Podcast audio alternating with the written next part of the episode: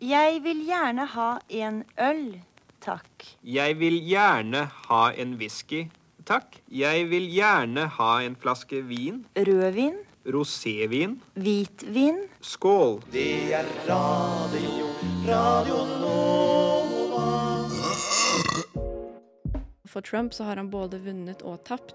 What did I think when Maduro took power? Well, he's a clown. Det koster mye å gjøre store endringer. You know, I think if we can't do it in Norway, we can't do it anywhere. Nei, De har jo ikke noen fremtid. De sitter jo bom fast. Du lytter til Radio Novas samfunns- og aktualitetsmagasin Opplysningen.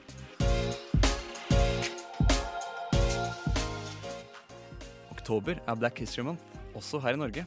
Og det er hovedtema i denne ukens opplysninger. Hva betyr egentlig diaspora, og hva er den afrikanske diasporaen i Norge? I Eliteserien har det vært to rasistiske episoder på to serierunder. Hva skjer i norsk toppfotball? Den første afrikaneren kom angivelig til Norge for 400 år siden. Hvem var egentlig Christian Hansen Ernst? Og du skal få høre om kontantbetalingens potensielle dommedag. Og du skal få fem saker på fem minutter.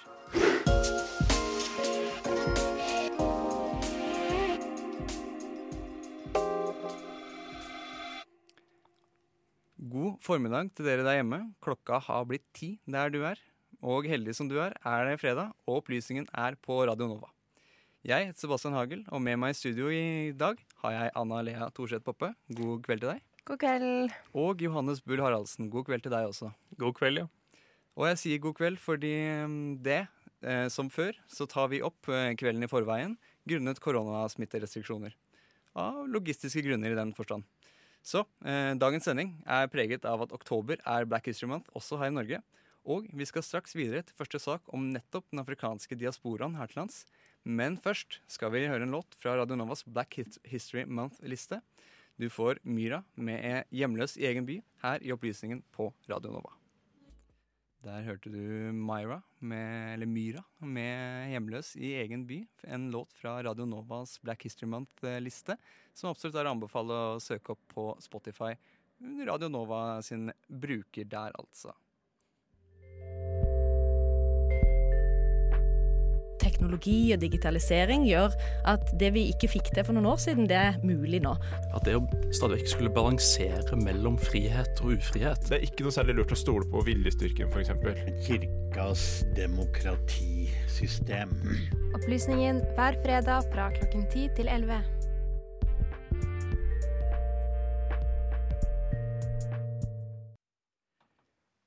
Ja, i anledning Black History Month i Norge er det viktig å se på afrikanernes historie her til lands. Vår reporter Marie Kirkedam tok en telefon til Michelle Tistel, som er sosialantropolog ved Nasjonalbiblioteket. Tistel har gått gjennom bibliotekets arkiver for å bli kjent med den afrikanske historien i Norge, og forteller om det som kalles for den afrikanske diasporaen. På grunnskolen lærte de fleste av oss mye om slaveri og borgerrettighetskamp. Om Martin Luther King og Obama. USAs svarte historie er kanskje tydelig for de fleste, men hva med den afrikanske historien i vårt eget land? I oktober markeres Black History Month i Norge. Dette er opprinnelig et amerikansk konsept med røtter tilbake til 1926. Formålet med markeringa er å spre afroamerikansk historie og fokusere på en positiv forståelse av befolkningens bidrag til landet. Black History Month blir nå markert hjemme hos oss, der oktober skal brukes til å rette søkelyset på den afrikanske diasporaen i Norge. Men hva betyr egentlig det her? For å bli litt klokere på temaet, har jeg snakka med en av dem som har brukt Black History Month til å utforske afrikansk kulturarv i Norge. Mitt navn er Michelle A. Tistel. Jeg er sosialantropolog og jobber som forskningsbibliotekar ved Nasjonalbiblioteket. Denne høsten har hun tatt et dypdykk i Nasjonalbibliotekets samling for å finne historier som kan belyse den afrikanske diaspora. Men først av alt må vi finne ut hva er egentlig den afrikanske diaspora? Opprinnelig så ble den afrikanske diaspora eh, brukt for å beskrive konsekvensene av eh, slavehandelen, og at at, at det var en så stor, eh, mange og veldig stor eh, antall mennesker med afrikansk opphav som befinner seg i Nord-Amerika, Sør-Amerika og Karibia. Så opprinnelig eh, ble den afrikanske diaspora eh, brukt for å beskrive konsekvensen av slavehandelen og den transatlantiske slavehandelen. Men um, i dag så brukes begrepet i, i et utvidet perspektiv, og det beskriver andre migrasjonsprosesser som har ført til at det finnes uh, personer med afrikansk opphav uh, utenfor kontinentet. Så det vil si at senere uh, migrasjonsprosesser som har ført til at, at det er afrikanere i Norge, at det finnes norsk-afrikanere osv. At alle mennesker på en måte som identifiserer seg med sitt afrikansk opphav, uansett hvor langt tilbake i sin eh, familiehistorie det ligger, på en måte utgjør eh, en afrikansk diaspora. Altså er dette et begrep som omfavner mennesker med afrikansk opphav som er bosatt utenfor det afrikanske kontinentet. Mange av oss vil da kanskje trekke slutninga om at den afrikanske diasporaen i Norge fikk sin begynnelse med den moderne innvandringa på 60-tallet. Men det viser seg at den afrikanske kulturarven går mye lenger tilbake enn det vi kanskje tror. Faktisk så har vi hatt afrikansk tilstedeværelse i landet vårt helt siden slutten på 1500-tallet. Vi har noen eksempler som er ganske kjent, som Christian Hansen Ernst, som var Ulrik Fredrik Gyldenløves eh, slave. Og, og, og, og Gyldenløve var selvfølgelig eh, kongens statsholder i Norge fra 1664 til eh, 99. Og han, eh, han hadde med seg eh, Christian Hansen Ernst. Og det er jo eh, en person som eh, mange kjenner ble, som ble ut, utnevnt som postmesteren i Kragerø i 1681. Så han er et eksempel som om, om noen kjenner et eksempel, så kjenner mange det, det, det eksempelet. Så det, da har man eh, et eksempel, og så har man lille Olav, som var ett år, som, som kom til Norge eh, eh, med sin far Albert Juleik, som hadde vært i Kongo. Og fikk eh, barn med en afrikansk kvinne der, eller kongolesisk kvinne der. Og han tok med seg sitt, sin ett år gamle sønn Olav tilbake til Norge i 1908. Vi vet også at eh, i Stavanger uh, at eh, misjonsarbeid i Afrika også uh, økte kontakt mellom Norge og enkelte afrikanske territorier. Og at i Stavanger så kom det en rekke personer fra Zululand og Madagaskar til Stavanger i forbindelse med misjonsarbeid, og de skulle læres opp og sendes tilbake til eh, sitt, eh, sine territorier for å føre videre misjonsarbeid. Så ja, det finnes mange ting som viser oss hvordan den afrikanske diaspora har lang fartstid i Norge. Men hva er den i dag? Det består av veldig mange ulike ja, grupperinger, på en måte. Du har eh, folk som kom som, som innvandrere til Norge. Du har deres barn. Du har folk som har, som, som har innvandret i ulike perioder. Uh, av ulike grunner, fra ulike steder. Du har uh, folk med opphav fra Karibia, fra USA. Du har deres barn. Så den er jo så kompleks at det nesten ikke går an å beskrive det som ett miljø. Det er ikke ett miljø. Og, no, og, noen eh, Jeg vil si at eh, jeg bruker den betegnelse, men eh, det er jo sikkert Det som er viktig når man bruker sånne merkelapper, er at, å anerkjenne at det er en tilknytning som man velger selv. Så man kan identifisere med det eller ikke. Ikke sant? Det, det, består av individer. Det er jo kanskje det viktigste å, å si. Er at det, er, det består av mange ulike individer med sterke individuelle behov og ideer. Vi kan altså konkludere med at den afrikanske diasporaen ikke bare er tydelig i USA, men også her hjemme hos oss. Og for å avslutte med Tistels egne ord Så jeg bare tenker at generelt at fremtiden er en diaspora. Fordi det å flytte fra et sted til et annet vil være den eneste måte for noen eh, folk å overleve på. Og reporter i denne saken, det var Marie Kirkedam. Tusen takk til eh, Michelle A. Tistel, sosialantropolog ved Nasjonalbiblioteket. Da går vi videre. Vi skal få aktiv dødshjelp og låta 'Boy and Destroy' her i Radio Nova.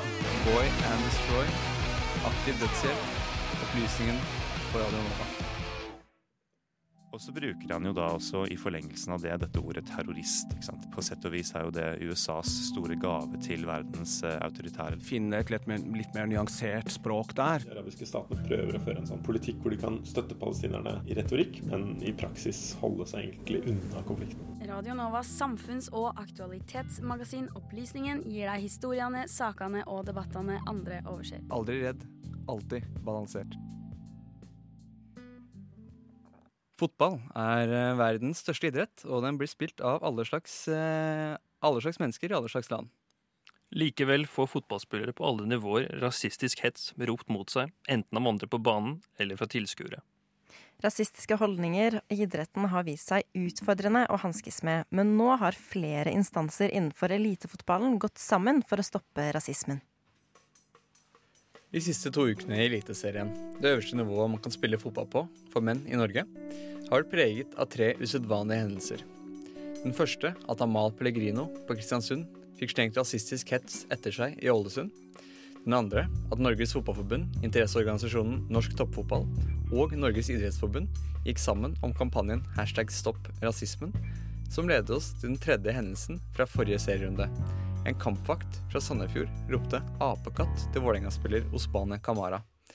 På kampen der det tidligere hadde vært en markering mot nettopp rasisme. Toppene i NFF konstaterer at det er nulltoleranse for rasisme i norsk fotball. De konstaterer samtidig at rasisme er et samfunnsproblem, ikke et isolert fotballproblem. For å lære mer om Fotballforbundets tiltak mot rasisme snakket jeg med seksjonsleder Henrik Lund i NFF. Hallo, Henrik.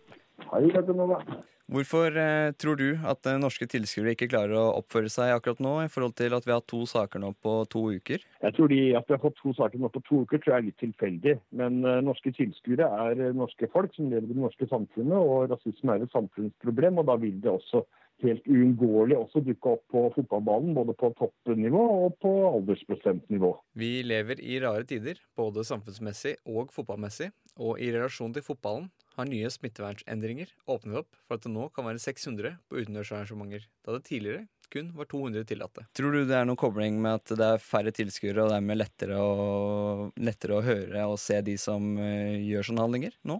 Ja, det tror jeg absolutt. Klart er det 15 000 og det står én uh, fyr og kauker ut, så er det både vanskelig å finne og vanskelig å høre han. Så det er klart På en sånn tom stadion så greide man jo i det første tilfellet veldig fort å finne vedkommende som hadde gjort det. da. Vi kunne jo høre det på sendingen også, mannen og stemmen. Og så, så, så det, det, er klart det, det er lettere for stadionvakten å finne de som gjør det. Men hva skal man gjøre med et sånt samfunnsproblem når det ødelegger for idretten? Henrik skriver i en artikkel på fotball.no, Fotballforbundets hjemmeside, at NFF jobber for det positive og mot det negative i forhold til inkludering i fotballen.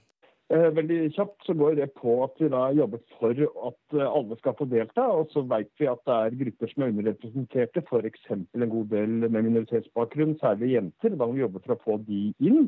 Og så blir det da jobben mot det negative, altså da type rasisme, diskriminering, som da kan være en barriere for at alle skal delta. I 2019 behandlet Fotballforbundet to saker knyttet til rasisme. Begge disse sakene var fra en kamp i toppserien mellom Vålerenga og Lillestrøm hvor en Vålerenga-supporter skal ha ropt til hoveddommeren, assistentdommeren, som ifølge VG var av utenlandsk opprinnelse, 'Reis hjem, din fitte', og 'Reis hjem, din kukksuger'. Den andre saken var en Lillestrøm-vakt som skal ha ropt 'jævla mokkamann' til en mørkhudet Vålerenga-tilskuer. Både Vålerenga og Lillestrøm ble tildelt en bot på 5000 kroner hver. Men i hvilken grad kan man egentlig klandre klubbene for at deres supportere og frivillige ikke klarer å oppføre seg? Klubbene har et ansvar for sine arrangementer, at det skal eh, foregå innenfor eh, de retningslinjer som, eh, som, er. og Da kan klubben bli straffet i noen tilfeller for å da ikke ha fulgt opp det. og Da har vi hatt en del tilfeller de siste åra f.eks. med blussing. Og det kan også bli tilfellet i, i, de sakene her som uh, også for de som idretten er organisert, så kan bare altså norske idrettsorganisasjoner kan bare straffe de som er medlemmer. Så hvis du er medlem i en klubb og gjør noe gærent i klubben din, så kan du bli straffet av idretten. Men er du en vanlig person som bare går på match, om det er hockey eller håndball eller, eller fotball, da er det arrangøren som har ansvaret. Og da kan han nekte deg adgang akkurat sånn på en, et utested. Ofte når det er snakk om uskikkelig aktivitet på og rundt fotballbaner, siterer NFF konseptet Fair Play som deres mottiltak. Men Fair Play fremstår i stor grad som et langtidstiltak retta mot barn og unge. Stopp-kampanjen som nå har blitt startet, skal innlede en prosess for å endre paragrafer i henhold til rasisme, og dermed ha en mer umiddelbar effekt. Ja, Det er, det er helt eh, riktig det du sier. eh, Hovedfokuset der har vært eh, barn og ungdom. Så har vi også lagd noe som heter Foreldrebett, som vi prøver å forsterke med, ved hjelp av en rolle som har blitt veldig aktuell i disse covid-tider. En kampvert, altså en person fra arrangørklubben som har på seg en gul vest, som skal sørge for en god, god ramme da, på en gutt tolv-kamp i kveld i regnet på Marienlyst, liksom. Eh, men på, i forhold til voksne så, vil nok denne her være med på å, å sette um, fokus på det. og i den grad uh, straffens allmennpreventive funksjon, som det heter, at det kan virke avskrekkende. At du, folk kan, kanskje tenker om en gang til hvis du skjønner at du kan bli utestengt fra eh, favorittlaget ditts hjemmebane på livstid. Hvis du skriker noe, noe, rasistisk, så, så kan det være og, og, og, også med på det. Da. Så jeg tror det er viktig at man har noen reaksjoner. Og så er det en vanskelig diskusjon hva som er for strengt og for, eh, og for um, for mildt, men, eh, men at det blir reagert, at dette her ikke blir tolerert, og du ryker på huet ut av tribunen hvis du roper sånne ting, det tror jeg er en viktig melding å, å få ut. Så tror jeg vi skal være litt ydmyke i forhold til både å kartlegge folks holdninger, som er helt skvatt umulig, men også, også ja. Nei, så jeg tror vi, skal, vi må holde oss litt på å gi et signal på det, og at det har, har, en, har en effekt. At man reagerer overfor de som gjør noe. For et år siden, da Norge spilte Nations League imot Romania, ble de i første omgang nektet å ha supportere på tribunen, som ble endret til at de kunne ha barn på tribunen akkompagnert av foresatte. Også Bulgaria fikk stadionnekt mot England i fjor. Kan dette være aktuelt, nå som det tross alt bare er 600 supportere uansett? Henrik mener man må ha supporterne med seg. Jeg burde jeg huske her jeg sitter når forrige gang vi hadde på en sånn type på, på toppnivå, men det er jo en stund siden. Derfor blir det heldigvis, kan vi kanskje si, da, større, større oppmerksomhet om det mm, når det skjer. Så, så det blir litt sånn ikke skyte spurv med kanoner, men samtidig ta det på alvor. Jeg så akkurat den presentasjonen jeg holdt i dag, så det første rasistiske tilropene vi har registrert i Norge, det var i 76. Med da den første svarte spilleren i, på toppnivå i, i Norge. Så dette her er et uh, samfunnsproblem som ikke vi blir kvitt med det aller første. Så jeg tror det, vi blir antagelig aldri kvitt det. Så, så uh, at det blir mye oppmerksomhet rundt det nå, det er bra.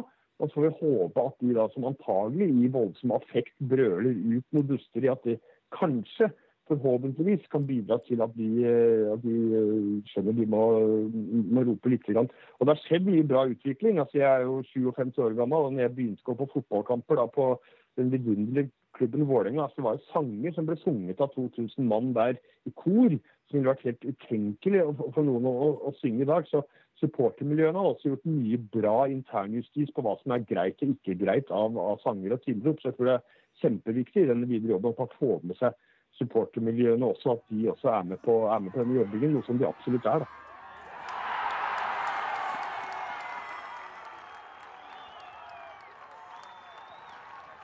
Da sier vi tusen takk til Henrik Lund i NFF.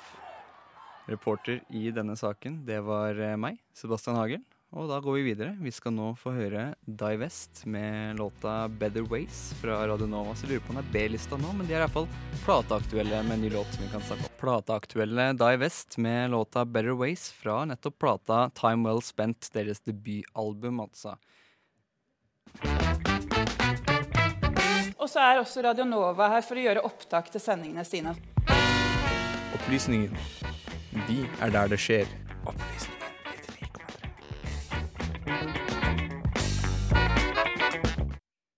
Temaet for eh, årets markering av Black History Month er Visste du at det har vært eh, afrikanere i Norge i over 400 år?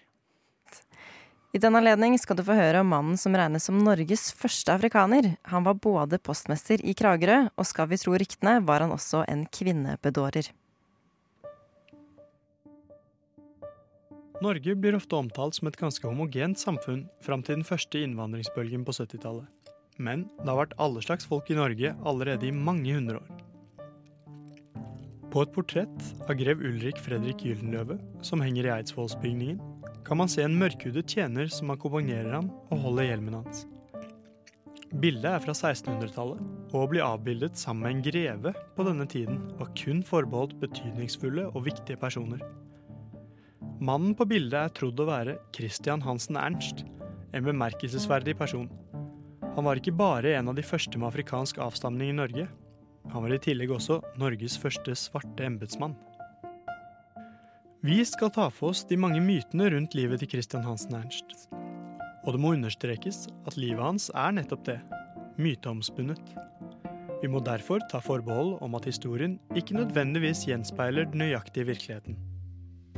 Christian Henry Ernest skal ha blitt født som slave i England, og kom allerede som barn inn i huset til grev Ulrik Fredrik Gyldenløve, sønn av kong Fredrik 3. av Danmark-Norge, mens Gyldenløve var utsendt til London. Christian ble med Gyldenløve tilbake til Danmark, der han nå ble kjent som Christian Hansen Ernst. Tre år senere gikk veien til Norge, der Gyldenløve hadde fått tittelen stattholder. Stattholderen i Norge var kongens stedfortreder og den øverste lederen på norsk jord. De neste årene tilbrakte Christian ved hoffet til Gyldenløve, både i Kristiania og København. Christian skal ha vært svært sjarmerende, vittig og oppfinnsom, og man kan kanskje gå ut ifra at han kjente grev Gyldenløve bedre enn de fleste. En av arbeidsoppgavene hans var nemlig å være mellommann og sendebud for Gyldenløve i hans utenomekteskapelige affærer. Etter ti år ved hoffet ble Christian i 1681 belønnet for sitt tilsynelatende gode arbeid hos Gyldenløve, og fikk sammen med engelskmannen James Wicker embetsstilling i den nyopprettede handelsstaden Kragerø. De fleste legendene om Christian omtaler ham som postmester i Kragerø. Men ifølge historiker Ola Teige er det mest sannsynlig at han var veier, måler og vraker. Disse stillingene var allikevel svært viktige, da han fikk ansvar for å kontrollere alt av fisk, kjøtt, tran og tjære som omsattes og ble behandlet i byen. Det skal ha vært Wicker som var postmester, men det er derimot ikke urimelig å tro at Christian jobbet for Wicker og var kjent som postmester på folkemunne. I Kragerø skal Wicker ha giftet seg, men Christian derimot levde det gode liv. Han skal ha vært kjent for sitt enorme dametekke, og han skal ha blitt far til mange barn i løpet av sine år som embetsmann. Historien om Christian Hansen Ernst, postmester i Kragerø, ender derimot tragisk en mørk natt den 17. august 1694. Nettopp hans sjarmerende vesen og dametekke er dessverre også det som skal ha blitt hans bane. Christian skal langt på vei ha vunnet hjertet til en av Kragerøs mest ettertraktede damer, og i sjalusivrede skal han ha blitt knivstukket og myrdet i et smalt smug av en av sine arge konkurrenter, en viss Grunde Olsen Barland. Senere postmester i Kragerø, Markus Bernholt, oppsummerer nøkternt sin forgjengers liv og virke i Kragerø 60 år etter hans død. Christian Hansen Ernst var mor i han. Om ham er til like fortalt at han var postmester. Han ble ihjelstukken på gaden om natten den 17. august 1694. Han kommer her til byen anno 1681 med tolder Vicky, som var engelskmann. De hadde begge været i Gyldenløves hoff. Mytene om Christian Hansen Ernst fortsatte å leve videre i Kragerø etter hans død. Og han skal annet gå igjen i huset der han bodde. Av det at han fortsatt er en levende figur i Kragerøs muntlige fortellinger og historier, og det at han er avbildet med selveste stattholderen, kan vi skjønne at Christian Hansen Ernst var en innflytelsesrik og populær mann. Og smuget der han ble drept, ja, det bærer den dag i dag navnet Knivstikkersmauet. Og eh, reporter i denne saken, det var Markus Voksholt. Nå skal vi videre. Vi skal høre låta She's So av Marbles. She's So av eh, Marbles her i Opplysningen på Radio Nova.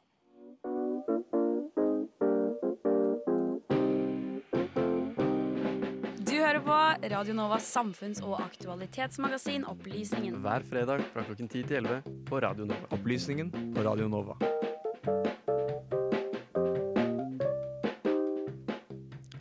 I 2019 byttet eh, Norges Bank design på de norske kronesedlene, med både torsker, strandlandskap og andre maritime elementer inkorporert.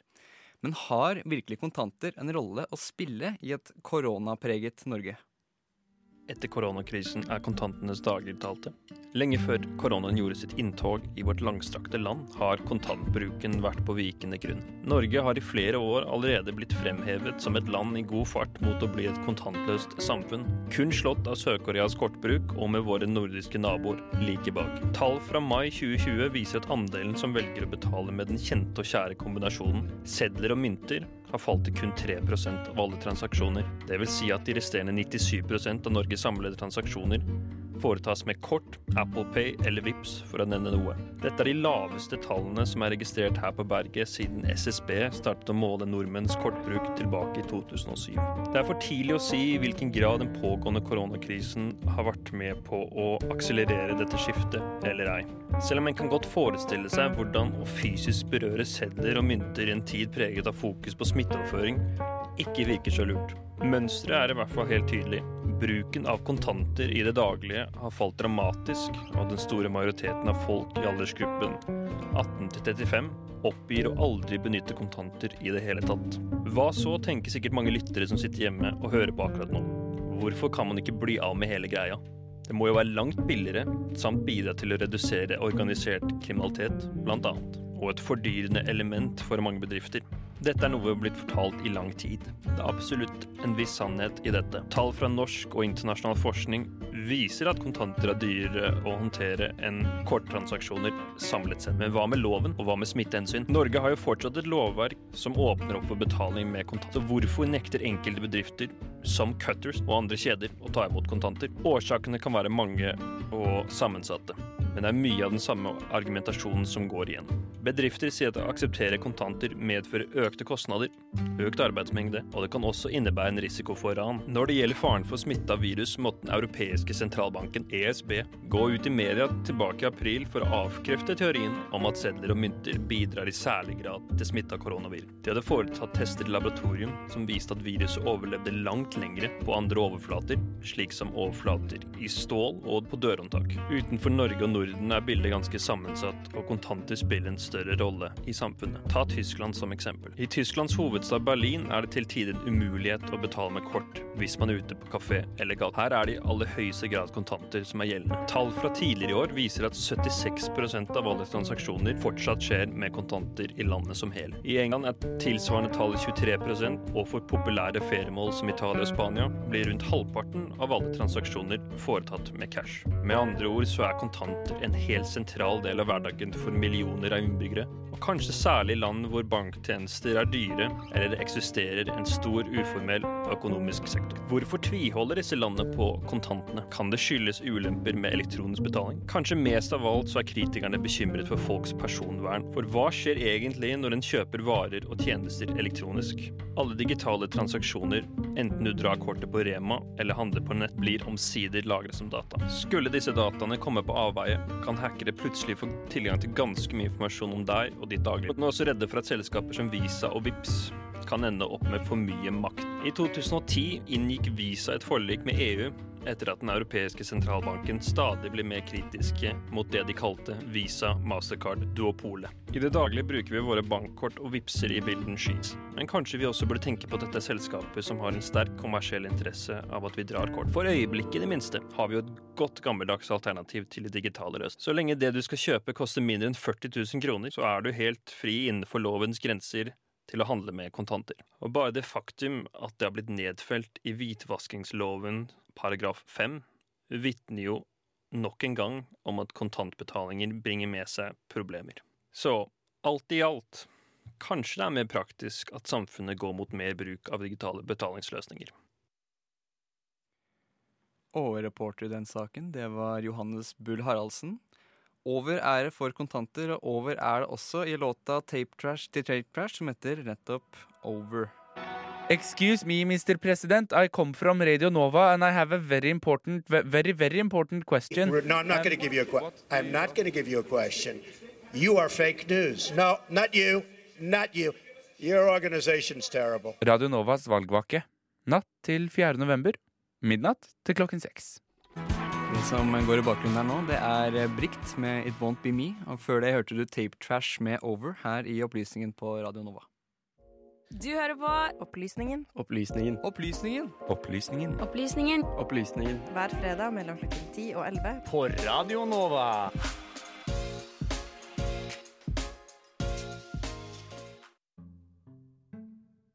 Nok ei uke har gått, stappfull av store og mindre nyhetshendelser i hele verden.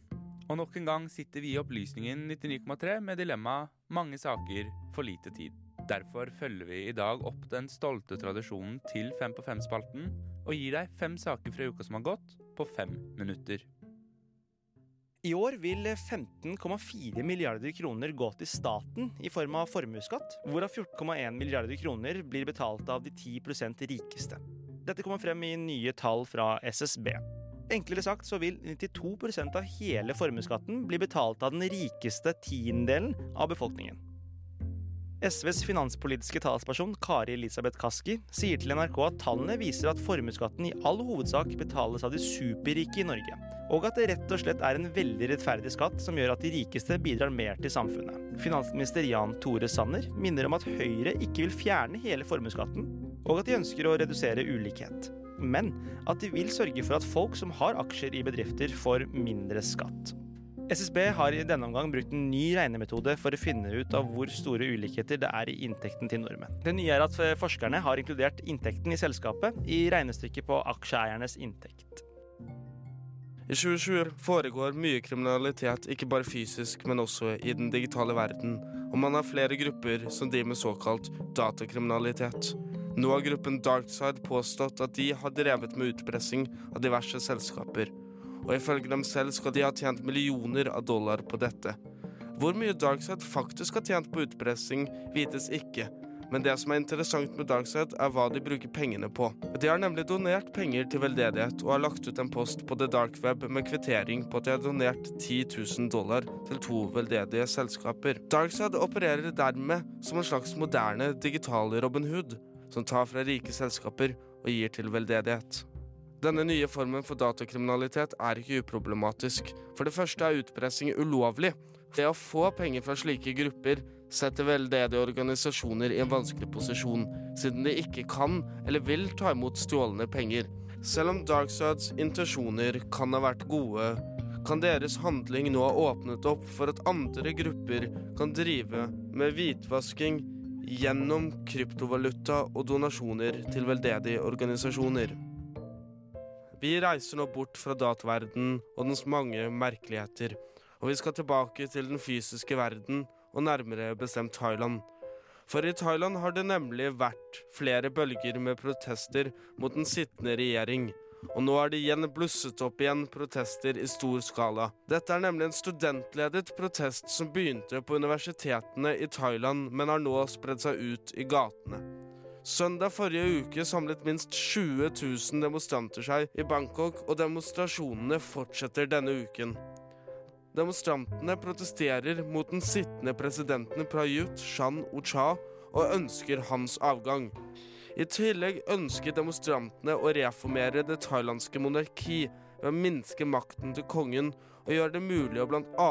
kritisere kongen. I dag kan alle former for kritikk mot monarkiet faktisk gi deg 15 år i fengsel.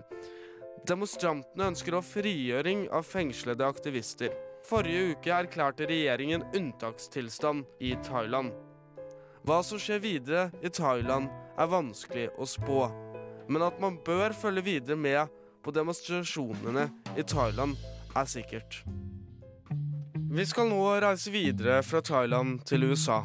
For i USA la Justisdepartementet i dag, tirsdag den 7. oktober, fram et søksmål mot selveste Google. Justisdepartementet mener at Google har fått en for stor markedsposisjon, og det gjør at selskapet blir for dominerende. Dette gjør at både forbrukere og konkurrentene lider, mener regjeringen. Justisdepartementet har anklaget Google fordi de mener at selskapet har brutt konkurranseloven for å bevare sitt monopol over internettsøk og online-annonsering. Google på sin side mener at søksmålet er på feil premisser. At Google ikke tvinger folk til å bruke de, men at folk velger Google fordi de tilbyr det beste produktet. Regjeringen mener derimot at Google har betalt for å bli brukt som default søkemotor, noe som ville ha gitt Google urettferdige fordeler.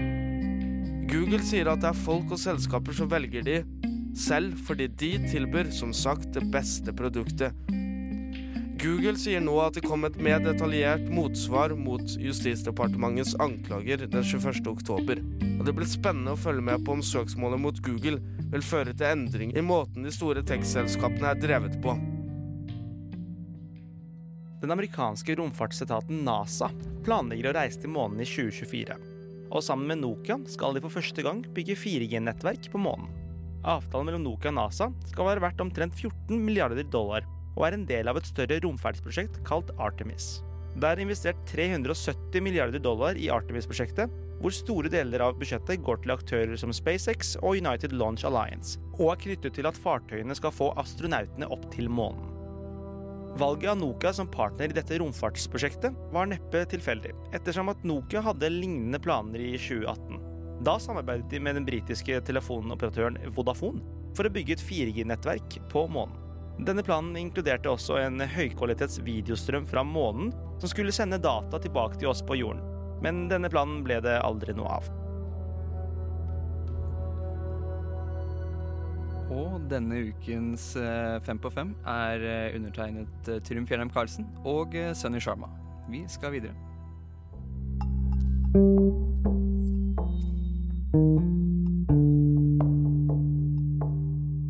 And this is insane. I've never seen this in any other country. Never in my life. People eating from the trash, fighting about it. Eh, Når så mange er ensomme, så ligger jo på en måte ikke dette på, på individet lenger. Det ligger på systemet. Vi er i ferd med å ødelegge evnen vår eh, permanent kognitivt i hjernen til å konsentrere oss over lengre tid. Radio Novas samfunns- og aktualitetsmagasin gir deg historiene, sakene og debattene andre overser. Aldri redd, alltid balansert. Opplysningen 99,3. Nok en uke er omme. Opplysningen er ferdig for i dag. Men frykt ikke, etter oss kommer studentnyhetene. Anna, hva skal de snakke om? Hvis du i likhet med meg ikke vet hva Studievenn-appen er, så burde du bli på kanalen. For det skal Studentnyhetene snakke om. Og de skal også orientere om hva Velferdstinget driver med om dagen. Fantastisk. Da er det bare å bli på kanalen og høre på Studentnyhetene. Og du kan også høre på Radio Novas valgvake, som er fjerde, natt til 4. november, altså fra klokka 12 til klokka 6 om morgenen. Seks timer med amerikansk politikk for din fornøyelse. Bare å slenge deg på. I tillegg så kan du følge, følge jeg holdt å si studentnyhetene, men jeg mener jo opplysningen på sosiale medier der du bruker sosiale medier, enten det er Facebook eller Instagram. Der kan du få enda mer, mer opplysningen innhold hvis du ikke får nok i løpet av denne sendinga. Og hvis du absolutt vil ha enda mer, så kan du høre på opplysningen på Spotify eller Soundcloud eller andre steder der det er podcaster. Da gjenstår det bare å si at denne sendinga er tatt opp torsdag kveld og sendes på fredag, så vi tar forbehold om at det vi sier nå, er korrekt innen eh, natten har kommet og gått. Medvirkende til dagens sending har vært Marie Kirkedam, Markus Voksholt, Trym Fjellheim Karlsen, Sunny Sharma og Johannes Bull Haraldsen. I studio har jeg hatt Anna Lea Thorseth Poppe og Johannes Bull Haraldsen. Mitt navn har vært Sebastian Hagel, og produsenten min har vært Sander Zakaria. Da sier jeg bare god helg med låta eh, Seal and Fire av Law of All. When you answered that because question, the question a lot is- of the new question Supreme Court is- justice, the question- left. Will you Who shut is your, up, man? listen, Rydd opp i rotet. Hør på Radio Novas valgvake natt til 4. november fra klokka 12 til klokka 6. That was really a productive segment, wasn't it?